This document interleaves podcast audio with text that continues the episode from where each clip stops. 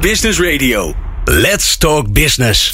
Met nu People Power met Glen van der Burg. People Power is een programma over de kracht van mensen in organisaties. Met interviews en laatste inzichten voor betere prestaties en gelukkige mensen. Deze week gaat Glen van der Burg in gesprek met... Sibren Houtman, directeur van ELO en Mark Vletter van Voice Telecom zijn te gast in deze People Power. En mijn fantastische, ongelooflijk gezellige co-host is vandaag Pieter Jan de Bree. Met zijn wekelijkse woehoe. Ja, werk speelt een belangrijke rol in het leven van mensen. En wat als we nou eens naar dat werk zouden kijken als resource in plaats van naar de mens als resource? Wat kan ons dat bieden? Welke effecten heeft dat op de manier waarop wij werken? En hoe draagt dat uiteindelijk ook weer bij aan de organisatie? Want ja, werken ze voor mensen en niet andersom. In deze aflevering gaan we in gesprek met Sibren Houtman van ELO en Mark Vletter van Voice Telecom over het verbinden in een organisatie zonder leidinggevende. Want als er geen leidinggevende zijn, ja, hoe spreek je dan af wie wat doet? Hoe kom je erachter wie waar goed in is? En hoe blijf je jezelf ontwikkelen? Aukje Nauta is onze columnist in haar maandelijkse aanrader over duurzame inzetbaarheid. En wil jij nou meer luisteren, abonneer je dan op onze podcast via iTunes of een van de andere mogelijkheden. En dat kan ook bijvoorbeeld via WhatsApp. Dan sla je ons nummer op onder je contactpersonen 0645 667548. En dan stuur je ons een berichtje met je naam en podcast aan. En dan sturen we jou de nieuwste afleveringen direct zodra ze online staan. Fijn dat je luistert naar People Power. People Power met Glen van der Burg. Met in de studio Sieben Houtman van ELO. Sieben, welkom. Dankjewel. Wat fijn dat je er weer bent. Zeker. Lang geleden. Ja. Te lang geleden eigenlijk. Ja. Ja. Je moet me vaker vragen dan ik. Oh ja, oké. Ja. Een man die gevraagd wil worden, wel mooi. Ja. Ja, nee, heel goed. Ehm, ja, we praten met elkaar vandaag over verbinding. Hè. Dat is echt zo'n term die je bij om de haverklap in organisaties tegenkomt. Ja, het is belangrijk, verbondenheid. We moeten verbonden zijn met elkaar. En dat is natuurlijk wel uitdagend om dat te doen in een organisatie. In, in jullie geval in een organisatie waarbij er geen, ja, geen managers meer zijn. Maar laten we eerst eens even kijken naar dat, dat thema sowieso. Hè? Verbinding. Waarom is dat nou zo belangrijk? Nou, eigenlijk om, eh, om twee redenen. Wij zien eh, bij verbinding eigenlijk twee belangrijke dingen. Eén is eh, de, de verbinding van jezelf als mens aan iets wat groter is dan jijzelf alleen. Hè? Dus het werk, maar dat zie je natuurlijk ook buiten werken. Eh, Mensen vinden het fijn om eh, bij een, groep te zijn of eh, met elkaar interactie te hebben. Je bent nou één keer niet geboren om eh, je hele leven alleen in je eentje rond te dwalen. Maar je wilt samen dingen bereiken. En dat sociale zit in mensen, denk ik, eh, eh, diep van binnen. En je wilt iets hebben wat jou overstijgt, wat groter is dan jij eh, in je eentje zou kunnen. Of, eh, en dat geeft een vorm van betekenis. En een andere eh, manier van verbinden in een organisatie is natuurlijk gewoon hoe je je verbindt aan het werk dat er ligt. Hè. Dat is wat, gaat meer over het werk verdelen met elkaar eigenlijk. Hè. Je wilt als organisatie iets bereiken. Purpose eh, is iets wat eh, heel, heel eh, ja, populair is op dit moment. Hè, maar in ieder geval de, de, de, het idee van je, je werkt aan iets groters. Hè, je werkt aan iets moois met elkaar. Maar je moet ook bedenken, wat draag ik daar dan aan bij? Dus wat, wat doe ik hier precies in deze organisatie? Wat doen anderen? Hoe werken we samen? Dus het werk met elkaar verdelen is meer een, een, een concreet proces. Wat wel heel belangrijk is. En, en, en, en daar, daar gebruiken jullie het woord verbinding voor. Juist omdat je eigenlijk het werk alleen maar kan verdelen als je in verbinding met elkaar staat. Ja, want het, het gaat tweede, als je meer naar, ook naar, het, naar de mensen kijkt, als je, zeker als je het zonder leidinggevende doet. Hè, bij leidinggevende kun je altijd nog zeggen, nou die bepaalt dan wel wie wat doet en hoop je maar dat hij dat op de best mogelijke manier doet. Maar als je geen, eh, niet iemand hebt die dat allemaal regelt, eh, dan moet je dus van elkaar heel goed weten wie is wie, wat kan iemand, wat wil iemand. eh, en wat moeten we doen zodat je dat bij elkaar kan brengen. En dat, het beginnen bij wie is de ander eigenlijk, dat is heel belangrijk. Hè. Voor ons ook, we zeggen, in veel cultuur een beetje ondergesneeuwd. Hè. Dus, Want bij ons is het meer wie ben ik zelf? Wat vind ik belangrijk? ja, en het is ook vaak allemaal in termen van competenties of skills. Hè. Maar als je, als je echt met iemand verbinden wilt, dan wil je natuurlijk weten wie ben jij als mens eigenlijk echt. eh. en dat is niet in alle bedrijven of organisaties gewoon dat je die vraag nog aan elkaar durft te stellen. Eh, Maar het gaat best wel diep. Gewoon, wie- ben jij als mens? Wat vind jij belangrijk? Wat is jouw verhaal? We hebben het veel over verhalen. Ehm, en en dat is, dat, daar ga je eigenlijk dieper dan, eh, dan je eh, gaat als je het over cv's of competentieprofielen hebt waarmee je de functies eh, inkleurt. Ja, en even voor mijn beeld. Hè? Waarom is dat dan zo belangrijk? Want als je toch van iemand weet die vindt het leuk om, om events te organiseren, dan moet je hem vooral hem of haar laten doen. Want dan zijn ze, is, is hij of zij, zij of hij goed in. Is dat niet voldoende? Nee, ik denk het zelf niet. Want ik vind, als je kijkt, laten we ze beperken tot Nederland of zo. Maar als je kijkt naar, naar hoe de mensen rondlopen, dit is best wel veel uh, mensen die een beetje vervreemd rondlopen of zich niet gehoord voelen. En volgens mij heeft het je niet gehoord voelen, hè, of idee hebben van ik ben maar een soort schakeltje of een radartje in een machine. Heeft heel veel te maken met of je het gevoel hebt dat ze mensen jou als mens nemen of zien.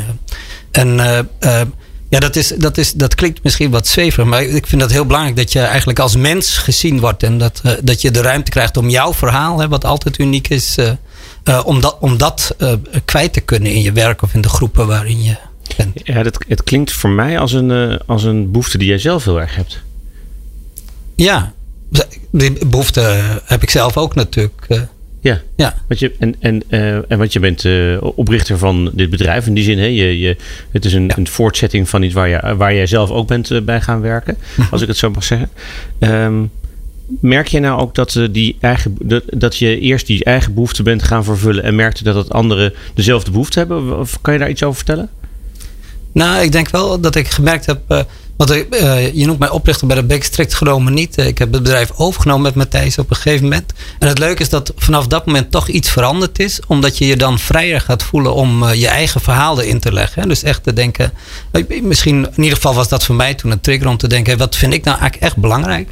Als ik naar, de, naar kijk naar wat ik zou willen bijdragen. Of wat we zouden moeten bereiken.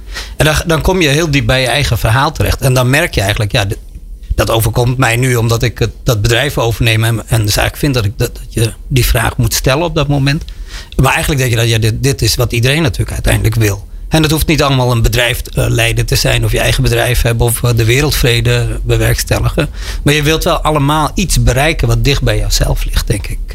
En dat, en dat, is, dat gaat vaak ook net iets verder dan ik kan toevallig goed evenementen organiseren of kan dit toevallig goed. Er zit vaak toch iets onder wat voor jou persoonlijk heel belangrijk is. En dat persoonlijke stuk is volgens mij uh, uh, heel belangrijk om een andere, om een diepgaandere verbinding te krijgen tussen de mensen. En helpt, helpt je dat dan ook om weer die volgende stap te zetten? Hè? Want dat is natuurlijk een beetje, beetje het ingewikkelde waar we nu in zitten met z'n allen. Dat, ja, dat er toch ook wel behoorlijk wat werk of taken aan het verdwijnen zijn. Hè? Die hoeven gewoon niet meer gedaan te worden. Want er is een robot of een computer of een, nou ja, iets slims.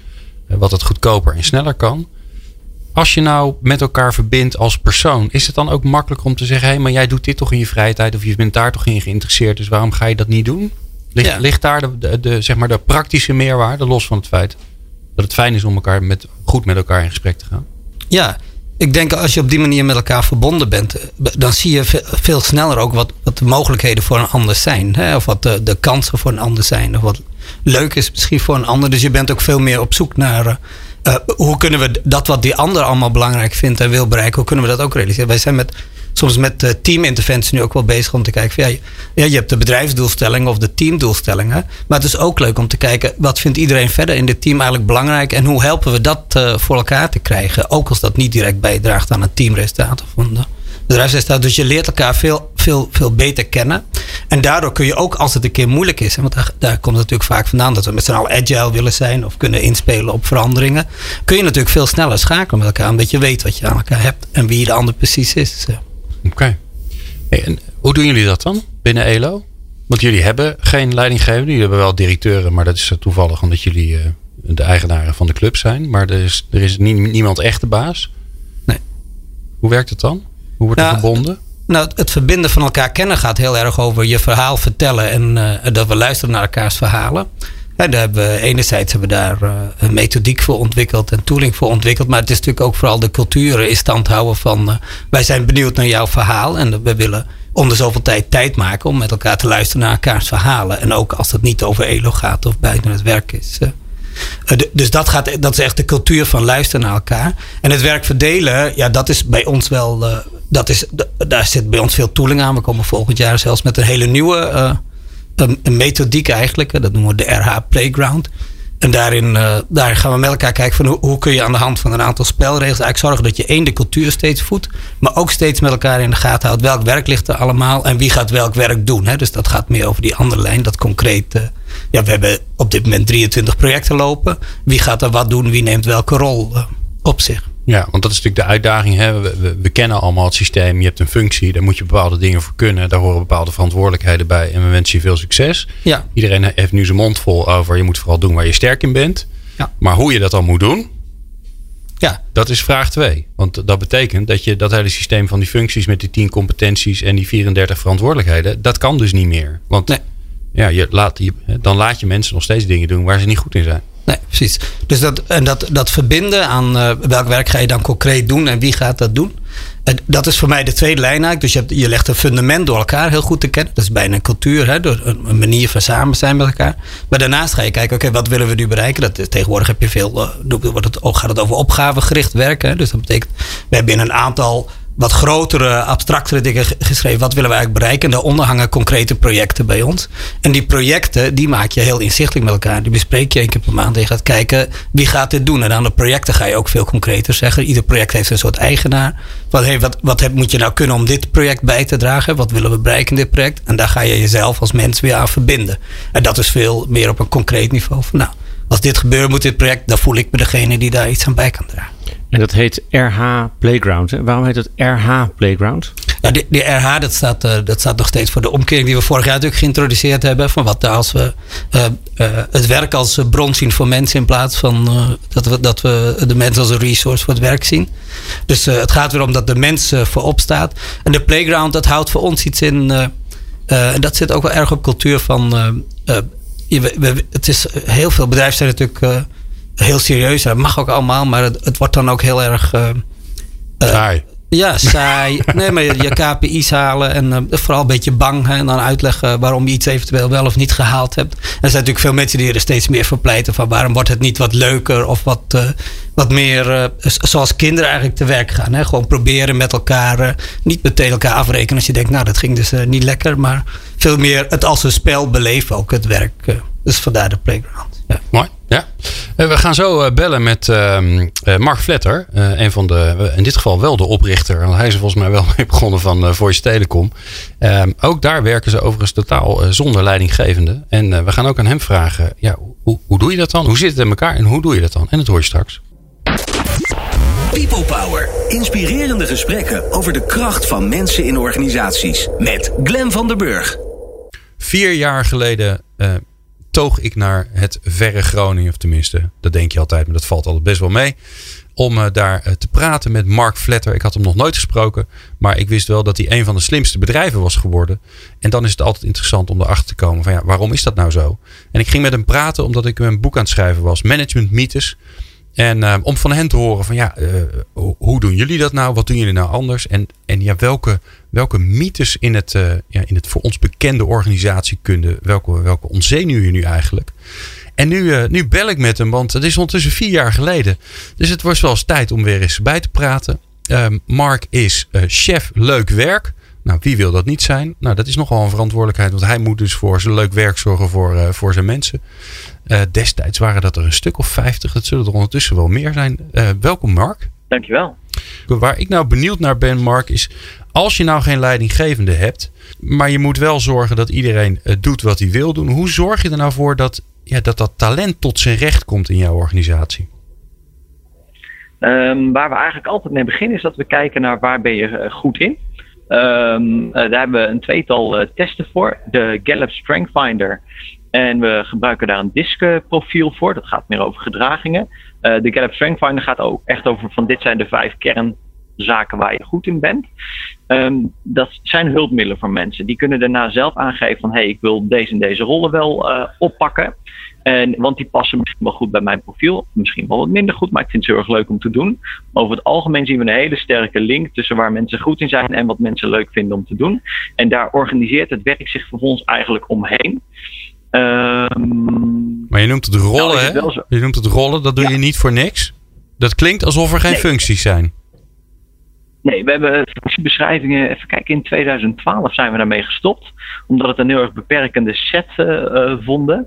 En we merken dat uh, mensen het leuk vinden om in verschillende teams, verschillende soorten werkzaamheden te doen. Uh, en dus ook iedere keer een andere rol daarin te hebben. En gemiddeld zul je zien dat bij ons één collega in een team of drie zit en een rol of zes, zeven heeft. Dus dat uh, is een, uh, ja, een heel divers stukje werk. Wat je wel ziet is er vaak uh, dat er één of twee of drie rollen zijn die de hoofdmoot voeren. Maar dat is lang niet voor iedereen zo. Oké, okay, dus als ik, het, als ik het probeer te visualiseren voor mezelf, hè, dan heb je, heb je rollen en je hebt teams. En je kunt dus verschillende rollen hebt. Of sterk nog, dat is dus blijkbaar zo. En je zit ook in verschillende teams. Ja, klopt. Uh, even een voorbeeld. Stel je voor, ik ben uh, klantgelukkig. Dat is bij ons alles wat te maken heeft met de klantrelatie nadat een klant, is, uh, een klant bij ons is geworden. Ehm, dan zit je primair zit je, heb je contact met de klanten. Maar stel je voor dat je daarbij ook bezig wil met webcare of het verbeteren van bedrijfsprocessen rond die webcare. Dan kan het zo zijn dat dat rollen zijn die in andere cirkels vallen. En dan zit je dus in meerdere cirkels. Ehm, we hebben ook mensen die zich bijvoorbeeld bezighouden, een hele praktische, met het uh, een jaarlijks uitje of een uh, regelmatig feestje op het werk. Dat zijn de funhamels. Nou, die zitten weer in een andere cirkel dan. Uh, Hoe heette die? Uh, klantgelukkig zitten. ja, funhamels. Funhamels. ooit Belhamels, maar dan vanuit fun. Ja, klopt. En um, um, wat er ook een beetje gebeurt is dat het een sport wordt om die rollen zo, zo exotisch mogelijke namen te geven. Van uh, Dagobert Duck die op de centjes past tot, uh, tot uh, de funhamel of de spraakmaker als je in het, in het ja, marketingachtige team zit. Ja, geweldig. Um, ik kan me ook voorstellen als, als je dit voor het eerst hoort dat je denkt... Wat een rommeltje. Hoe hou je daar overzicht over wie wat doet, wie welke rol heeft, of al het werk wel gedaan wordt? Want het is, het klinkt. Nou ja, denk als je, als je, als je zeg maar de, de, de structuur van afdelingen en functies in je hoofd hebt en je ziet dat harkje voor je, dan denk je hierbij, hoe, hoe gaat dit werken? Het grappige is dat er, dat er eigenlijk veel meer structuur in zit dan in functies en uh, in harkjesysteem. Um, wat er gebeurt is dan een functie of een harkje, die wordt één keer in de vijf jaar wordt die geschreven en wordt die neergezet. En dan doen we daarna doen we nog een keer een reorganisatie waar niemand zin in heeft. En um, uh, dan is dat harkje net wat anders geworden, of de functies zijn net wat anders geworden, of de teams. Wat je bij ons eigenlijk ziet, is dat er een continue verandering klaar uh, aan de gang is. Continue kleine reorganisaties. Om het werkelijke werk, wat we werkelijk doen, vast te leggen alles wat repetitief is, herhaaldelijk is, wordt gekoppeld als een verantwoordelijkheid aan een rol. En die zit in een bepaalde cirkel waar die het beste thuis hoort. En dan heb je gewoon een toeltje en dan kan ik gewoon zoeken uh, wie is verantwoordelijk voor het up-to-date houden van onze. Uh, pagina. En als ik dan dus iets zie waarvan ik denk, hé, hey, dat heeft eigenlijk wel een update nodig, of hé, hey, dit mis ik, dan zoek ik dat even op in dat systeem. Dan zie ik dat dat Harriet is en dan vraag ik Harriet, wil je dat op updaten? Uh, een nieuwe collega is begonnen, uh, dan moet die onboard worden. Ik heb toevallig in het team gezeten wat die collega heeft aangenomen. En dan ga ik vervolgens zoeken wie is eigenlijk verantwoordelijk voor onboarding. En dan kom ik bij iemand die zegt van nou, wij zijn van voor, verantwoordelijk voor de soft landing, zoals dat dan zo mooi wordt genoemd. En uh, dan uh, vraag ik dat aan nou, bijvoorbeeld Zoe. Dus zo heb je eigenlijk altijd heel snel gevonden wie je waarvoor moet hebben in de organisatie. En komt het ook overeen met de werkelijkheid. Het is niet zo van ja, nee, dat deed ik vroeger, maar dat doe ik tegenwoordig niet meer. Nee, de rollen die zijn een één op één match van het actuele werk wat er op dit moment eigenlijk het meest wordt gedaan in de organisatie. Oké, okay, en dan, en dan dus je hebt ook aparte. Ja, dus ik, ik stel me dan voor, hè, uh, uh, die, je hebt die rollen, je hebt de cirkels, hè, die zeg maar de teams zijn waarin je werkt. Uh, ik wil straks nog even van je horen hoe, hoe, hoe, dat zich dan ontwikkelt. Maar eerst maar even naar, naar de, de, de mensen, de, de individu. Dus iemand die bij jullie werkt, die heeft een aantal rollen. Wat als die nou wat anders wil gaan doen? Dat die denkt, ja, dat vind ik eigenlijk ook wel leuk. Um, nou, wat heel veel gebeurt is, um, je bepaalt zelf of je die rol wil houden, ja of nee. Dus je kunt op een gegeven moment gewoon aangeven, ik wil dit werk niet meer doen.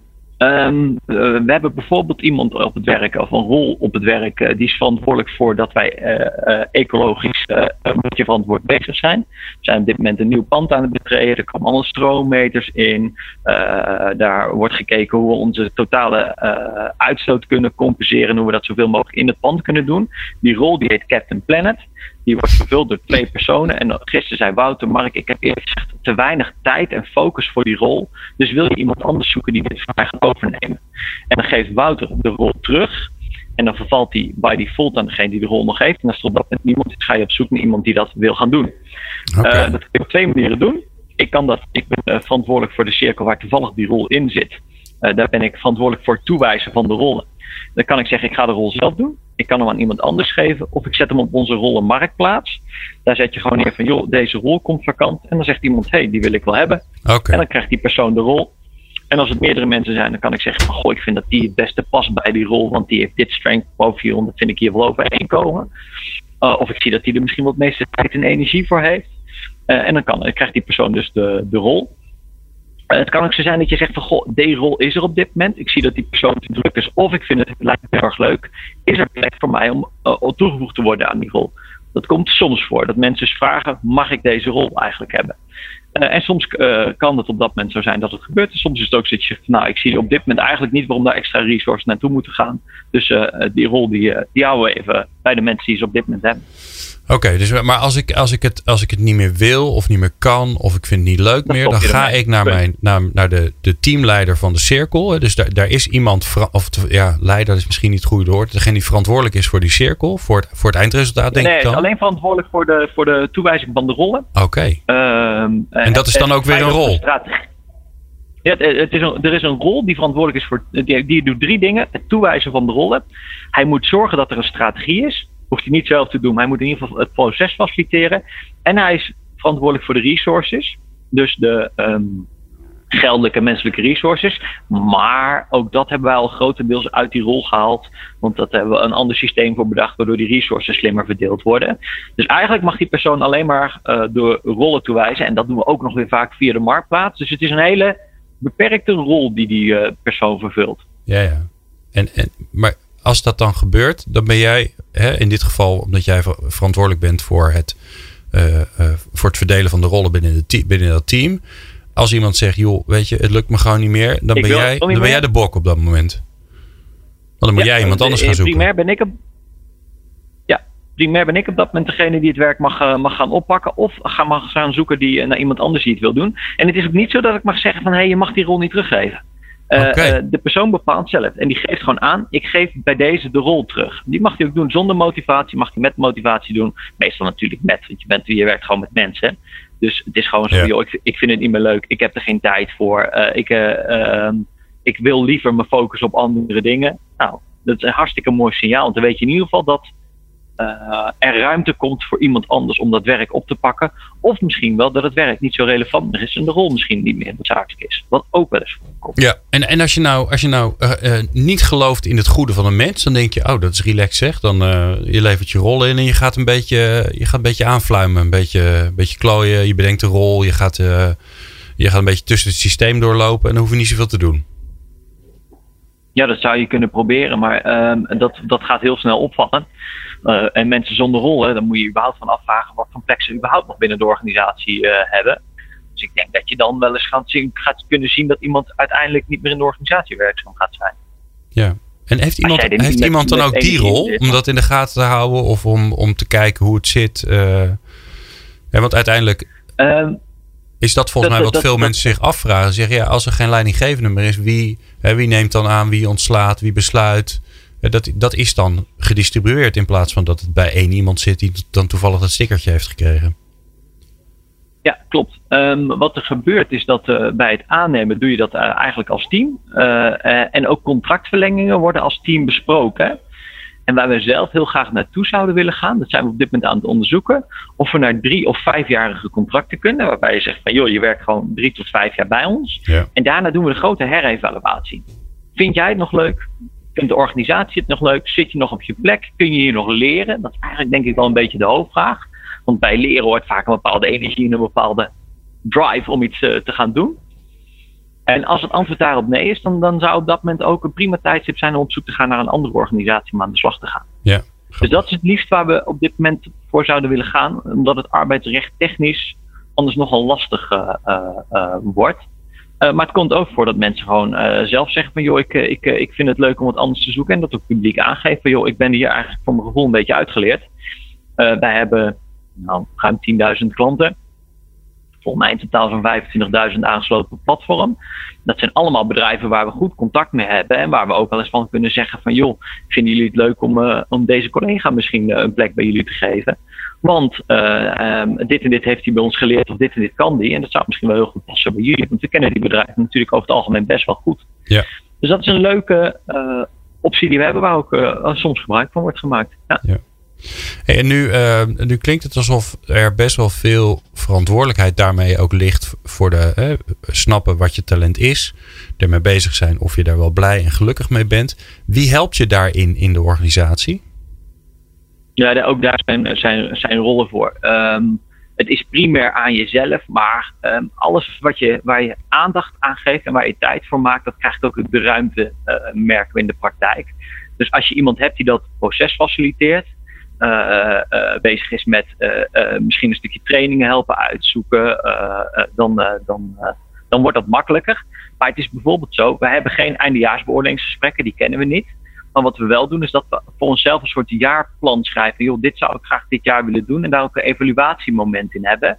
En dat presenteer je ook beide weer aan je cirkel. Dus het is ook wel.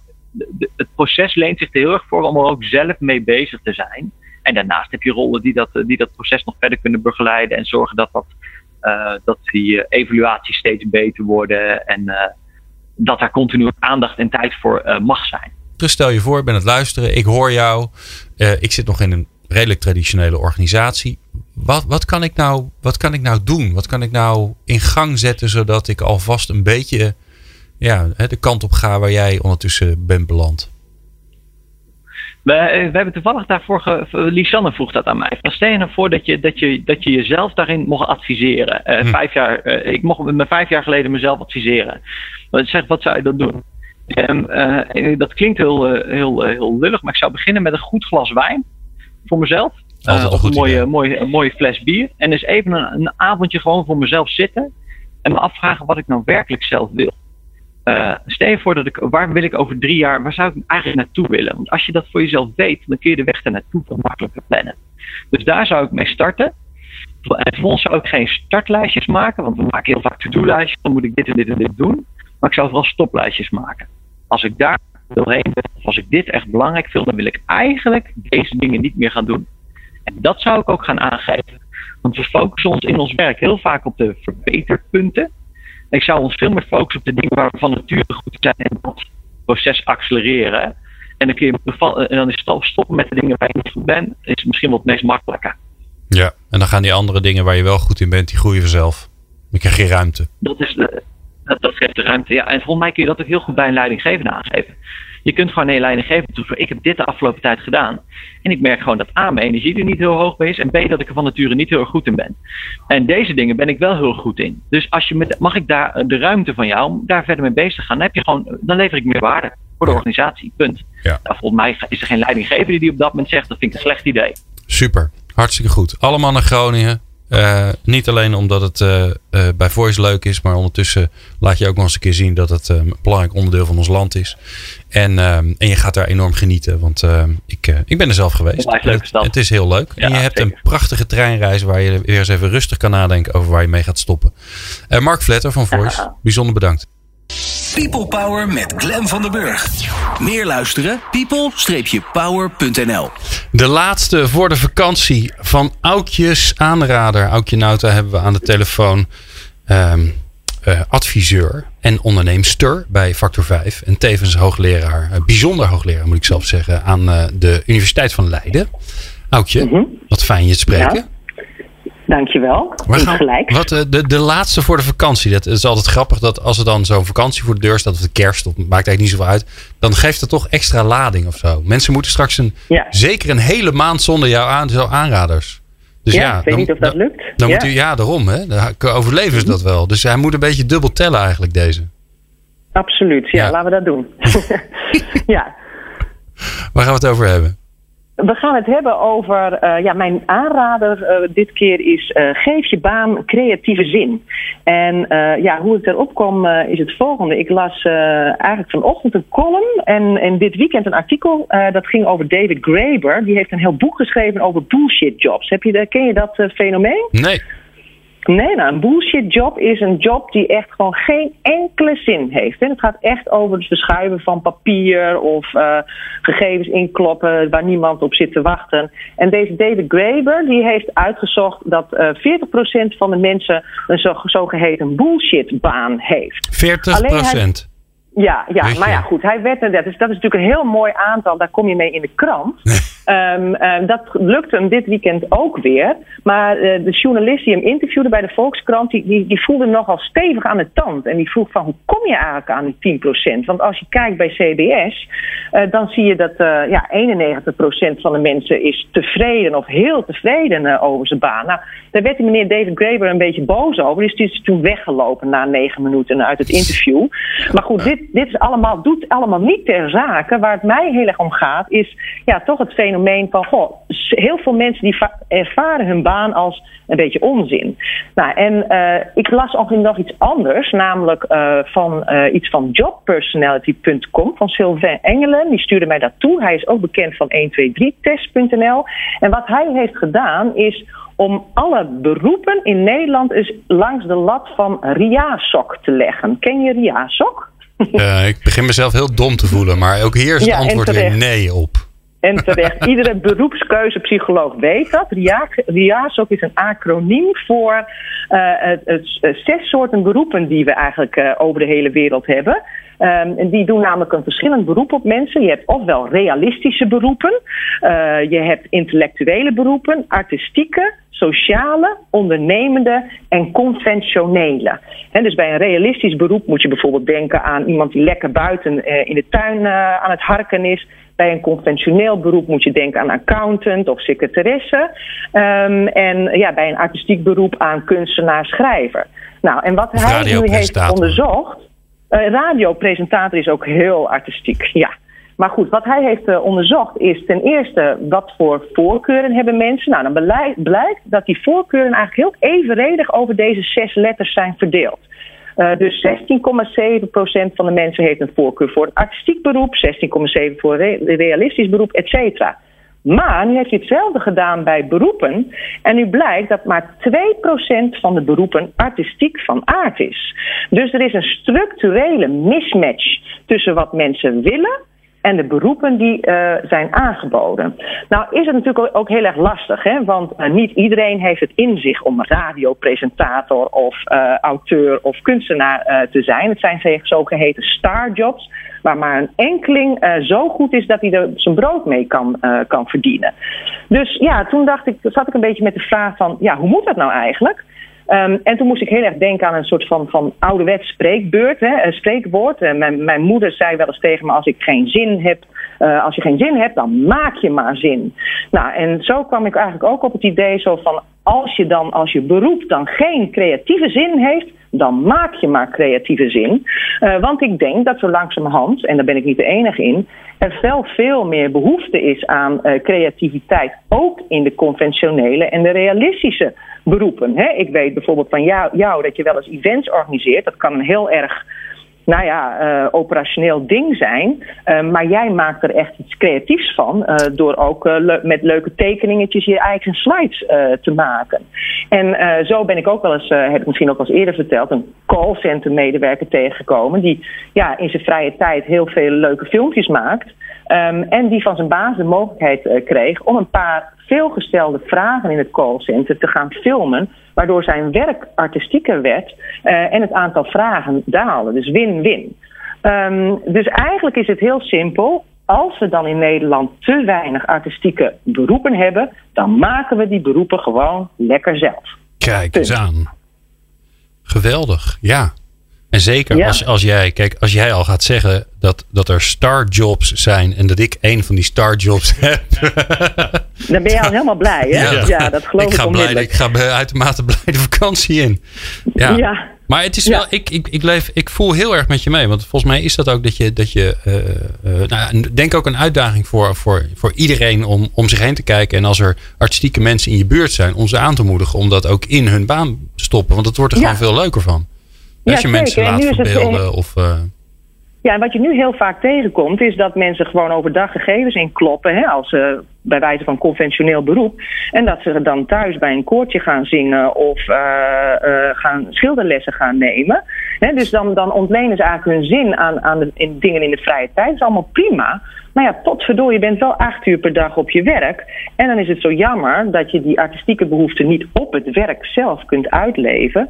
En ik denk uh, ja, dat de, de, de, de, je werk veel leuker wordt. Maar ook dat de opbrengsten veel groter zijn wanneer je die artistieke talenten en behoeften ook op het werk zelf uh, tot zijn recht uh, kunt doen la laten komen. Ik vind hem weer prachtig. Mooi. Ja, absoluut. Mevrouw Nauta, mag ik u zeer bedanken voor weer een half jaar columns bij eh, People Power. En uh, wij spreken u na de zomer natuurlijk gewoon weer. Want ook Hartstikke voor jou leuk. geldt dat dit een ongelooflijk artistiek gedeelte van jouw werk is. Absoluut, ja. ja ik heb uh, ook wel lol in om af en toe uh, een ideetje te verzinnen. En anders maak je maar zin. Hè? ja, ja baas. Dankjewel Aukje, spreek je na de vakantie. Doei. Oké, okay, doei doei. People Power. Inspirerende gesprekken over de kracht van mensen in organisaties.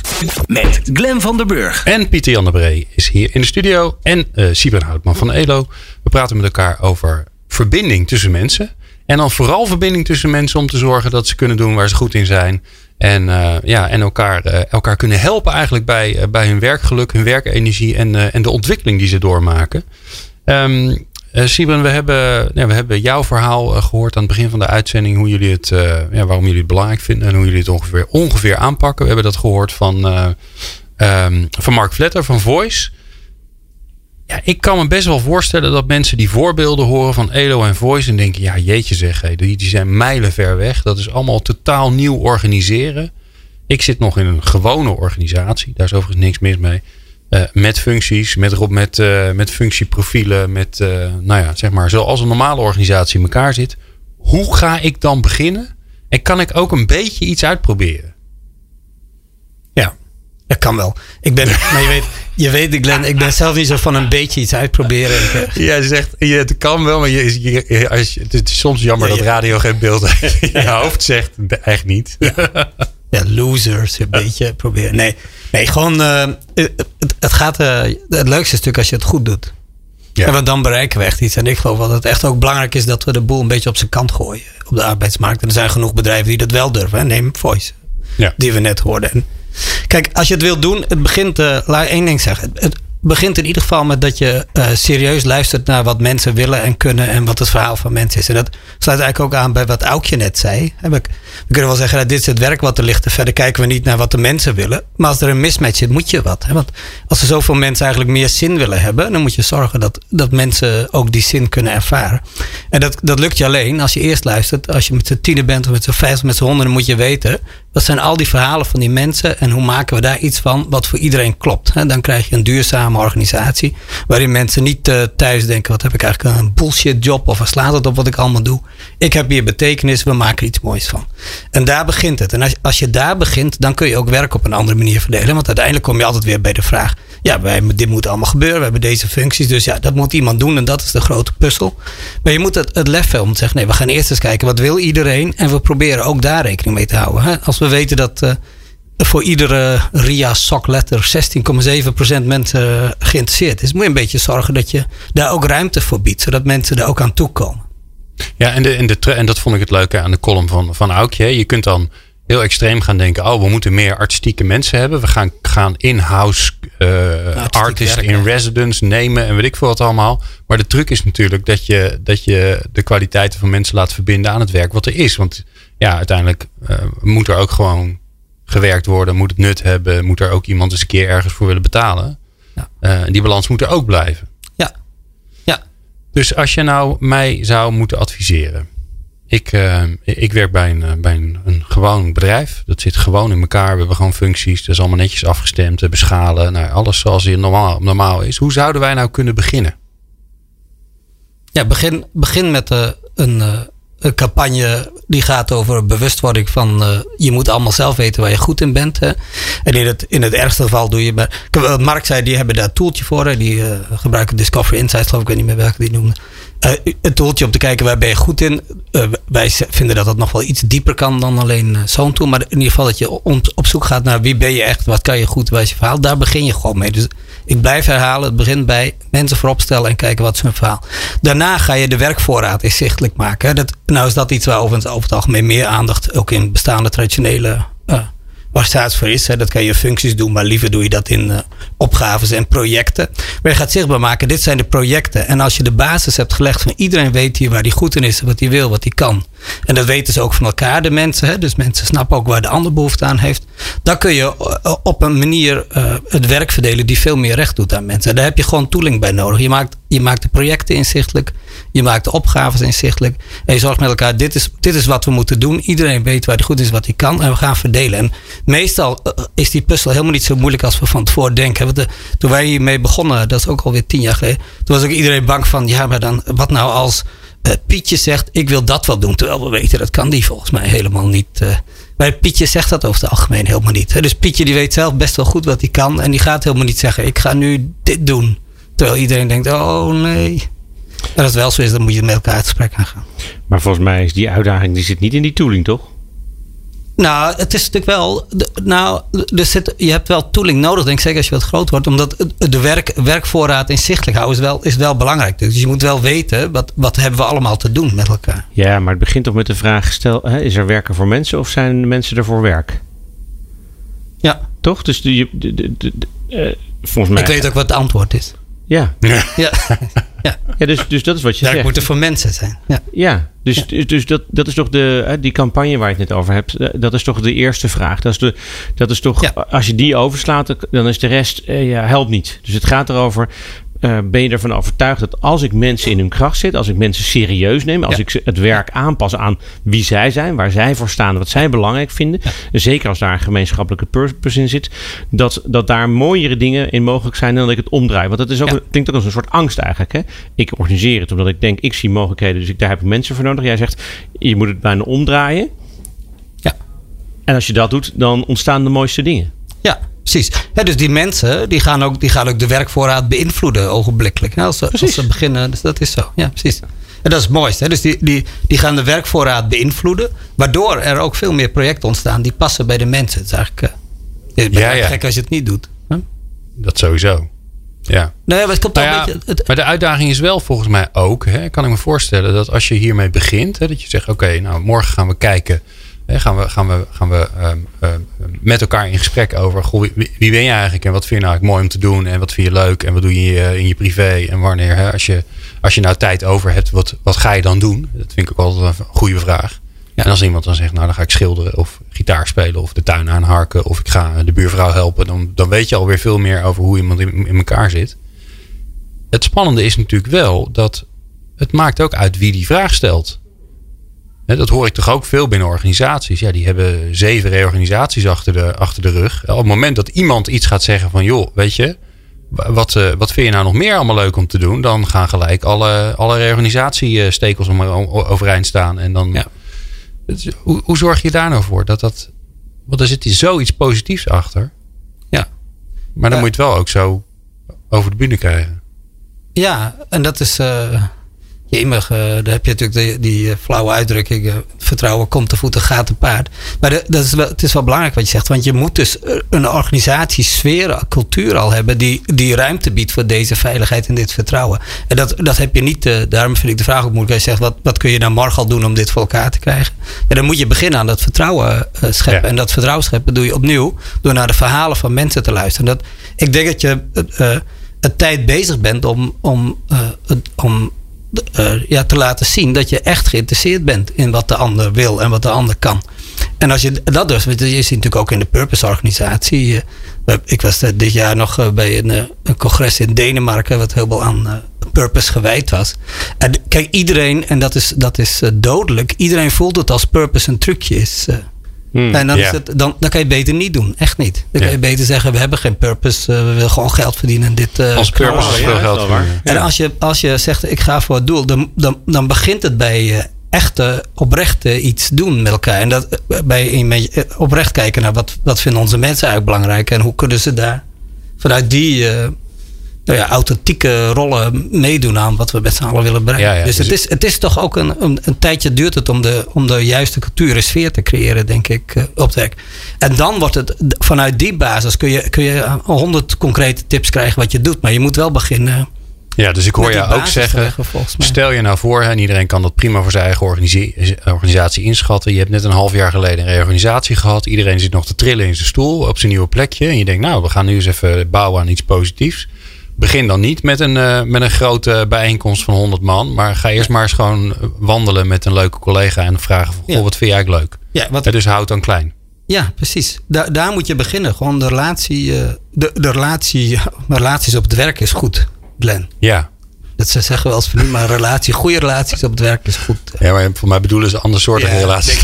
Nee, maar serieus. Dus, dus, dus echte relaties tussen mensen, goede relaties tussen mensen zijn, is de baas die je nodig hebt. En dan kun je heel veel dingen doen. Hè. Wij, wat ik eh, voor, eh, in de eerste deel zei over die RH Playground.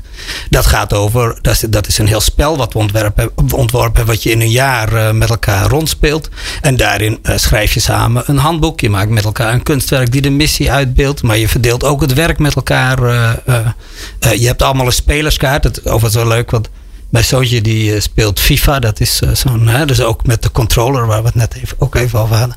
Maar die, eh, die speelt met zijn controller FIFA. En die heb je daaromheen heb je spelerskaarten met wat je kwaliteiten zijn. En je kunt teams samenstellen en wordt gekeken wat, wat gaat wel en niet goed met elkaar. Nou, dat, dat moeten we een beetje over, omdat je met je eigen spelerskaart meedoet. en eigenlijk teams kunt formeren ook. En kijkt, hey, als we deze mensen op de opdracht zitten dan. Dus je kunt ook allemaal leuke ondersteuning erbij gebruiken. Maar Ehm, dat, dat spel spelen, dat helpt je om het werk te verdelen, om je cultuur in stand te houden. Maar dat is allemaal zinloos als je niet eerst eh, een bepaalde cultuur met elkaar hebt waarin je naar elkaar kijkt en weet wie. Wat ik nu zie bij grote bedrijven, die, met name grote bedrijven die bezig zijn met duurzame inzetbaarheid, die kijken allemaal nog eh, eh, van hoe, hoe stretch ik de mensen dat ze hun leven lang maar blijven leren, zodat ze kunnen blijven doen wat ik van ze wil. Hè? Ook al willen 30% van de mensen iets anders. Ik heb daar maar 1% werk voor en die anderen moeten gewoon iets anders doen. Want ik bepaal wat het werk is en de mensen moeten lenig worden, agile worden, zodat ze zich kunnen blijven stretchen van nou, ja, ik heb je er toch weer in weten te frommelen in mijn organisatie. En dat, dat is dat is een andere vorm van duurzame inzetbaarheid dan die ik voorsta. En echte duurzame inzetbaarheid begint, en dat sluit toch, grappig dat het bij die column best wel aansluit, begint bij wat willen de mensen nou gewoon in dit bedrijf, zodat zij ook mede, en dan kan het nog steeds over hetzelfde, dezelfde purpose gaan. Alleen je gaat wel met de mensen zelf veel meer kijken, hey, hoe gaan we dit nou zo doen dat het ook echt past bij wie wij zijn of wie jullie zijn. En dat, is, dat moet je eerst doen. Siebren, ik eh, heb een inzicht gekregen. Al pratende met jou. Zeker na dit laatste vurige betoog. Na de vakantie gaan we gezellig weer door met programma's maken met het prachtige bedrijf Elo. Want jullie zijn al, eh, al drie jaar lang eh, trouwe, trouwe partner van het programma. Ja. Ik, ik denk dat we jou na de vakantie gewoon weer moeten vragen. En dat we dan eens een keer een uurtje gaan filosoferen over werk. Oké. Vind je dat een goed idee? Ja, ik vind filosoferen Ja? leuk. Ja, hè? Dat vind ik ook veel leuker dan je zegt, wat kun je nou concreet morgen Ja, doen? Dat ik poeh, dan moet je Nou, nee, maar dat, vragen. ik, vond, je- ik, vond, ik, vond, ik vond dat je dat ook prima deed overigens. Dus, eh, Dank je. Ehm, dames en heren, u heeft een, eh, een uur, nou ja, een deel van het uur kunnen luisteren naar Sieben Houtman van ehm, ELO. Noem je jezelf nog directeur? Nee, hè? Nee, nee. Alleen als het nodig Nee, is. Nee. Nee. nee. Werkt bij ELO en is Ja. leuk. Siebren.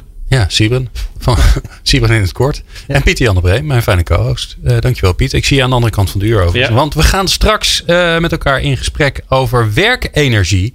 En dat doen we met een, eh, met een heel leuk clubje mensen. Ehm, met Inge van Ispen en Anne van der Horst van ELO. En Christel van der Ven van Factor 5. En Pieter Jan de Bree van People Power. Ja. Die is er ook bij. eh, want eh, samen hebben wij een leuk event georganiseerd rondom werkenergie. Want daar werden wij heel vrolijk van, eh, van dat thema.